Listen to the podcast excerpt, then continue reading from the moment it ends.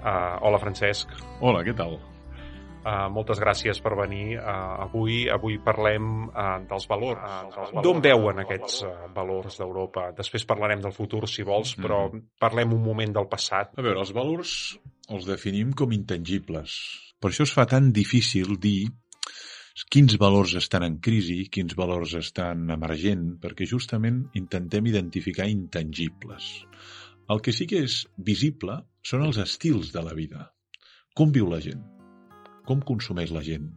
Què fem amb els refugiats? Què fem amb els immigrants? Què fem amb les persones grans? Això sí que és visible. I a partir dels estils de vida podem inferir si hi ha valors com la llibertat, la igualtat, valors com la responsabilitat, valors com l'equitat. Si un mira la gènesi d'això que en diem els valors europeus, jo crec que és la suma de tres grans tradicions que donen com a resultat això que en diem genèricament els valors europeus. Valors europeus, valors europeus, valors europeus.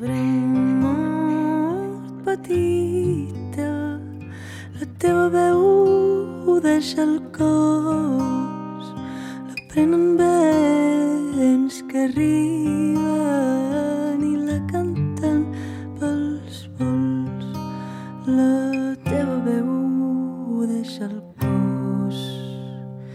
la teva veu deixa el cos i els vents la sembren pels camps i ets sol, llavor, herba i flor, rosada o cançó de pardal.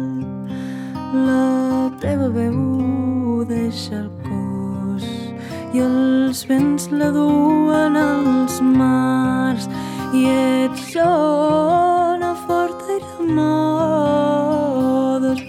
的。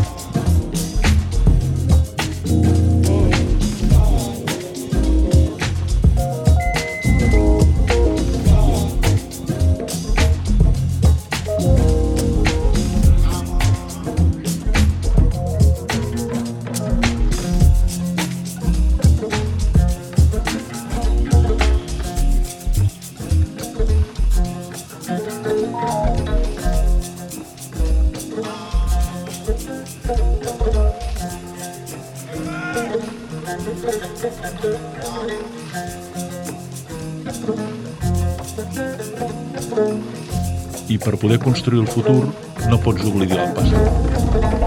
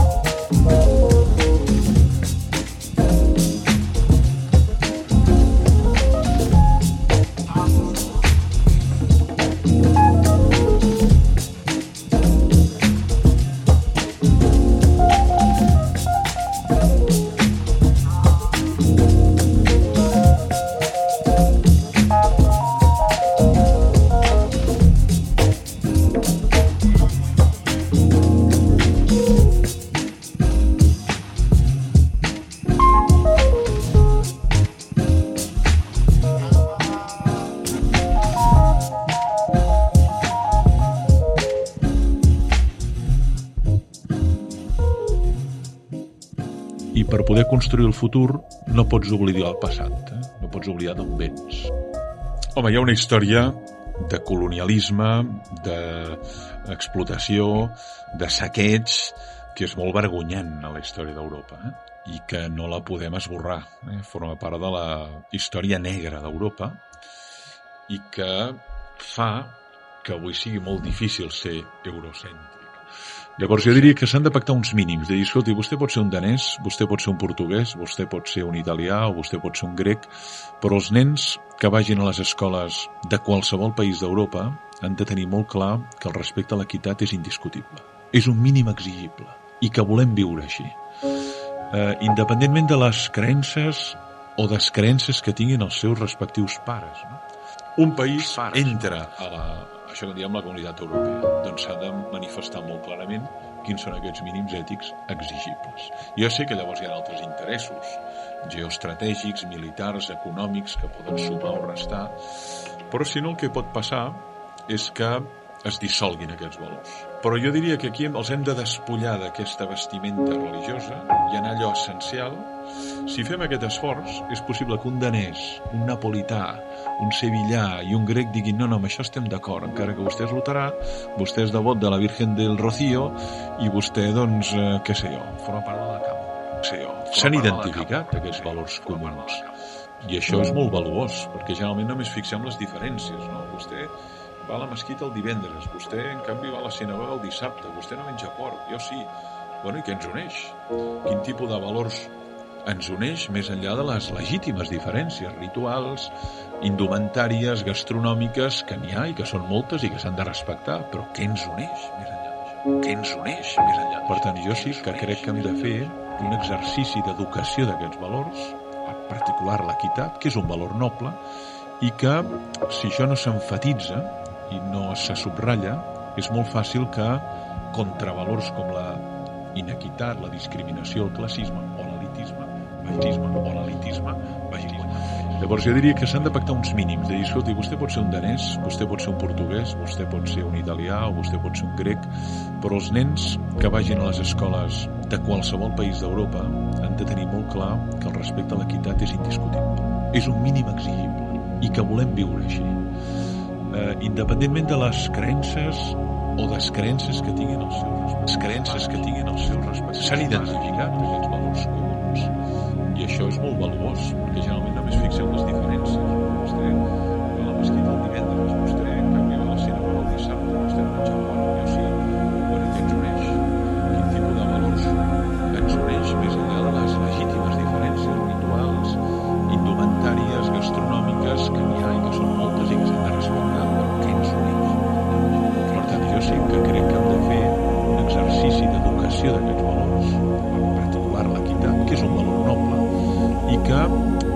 Si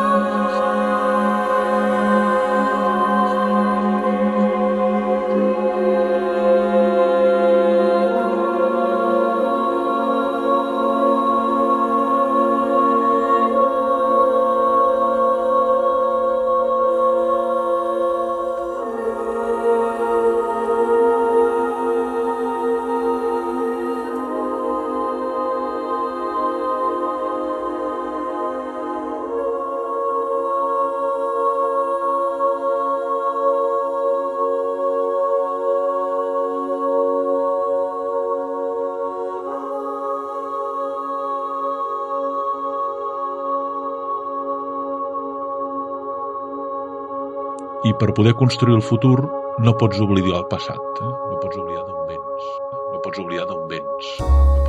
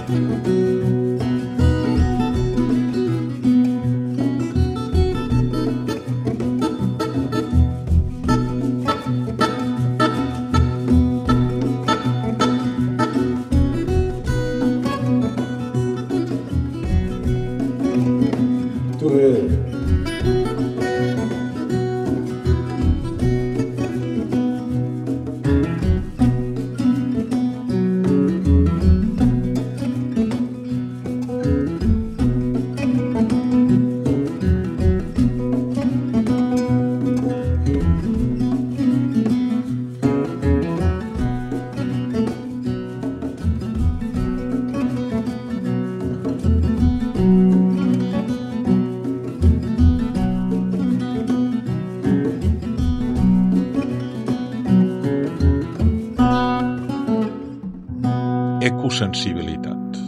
És el deure de respectar l'entorn, el deure de viure harmònicament amb la naturalesa, el deure d'una vida sòbria, austera, el deure de reciclar, el deure de poder preservar això que tenim per les generacions futures, pels nostres fills i pels nostres nets. Per exemple, amb la intel·ligència artificial, hem fet un pas molt interessant a Europa. Això és futur ja, no? Que no ha fet ni la Xina i que no ha fet els Estats Units. Que és dir, escolti, no volem que tingui biaixos, que els algoritmes no tinguin biaixos de gènere, no? I, per tant, anem a fiscalitzar com són aquests algoritmes i que no siguin opacs, sinó que siguin intel·ligibles i que puguem veure si hi ha certament un biaix que s'afavoreix un gènere per sobre. Afavoreix jo crec que aquí podem fer una transició digital que no sigui salvatge, que no hi accedeixin només uns, sinó que pugui haver-hi un accés universal a la transició digital i no anem amuntegant en alfabets digitals que quedaran en els marges de l'activitat laboral, de la vida social, en els marges de la vida social. I això voldrà dir processos educatius molt intensos, lleis molt estrictes en les ciutats per reduir els efectes de la contaminació i dels, sobretot de la petjada de carboni i per evitar el col·lapse. I per tant hi haurà d'haver també sistemes penals i incentius per a aquells que ho fan com sempre, eh? reforç positiu i reforç reforç positiu i reforç reforç positiu i reforç reforç positiu i reforç reforç positiu i reforç reforç positiu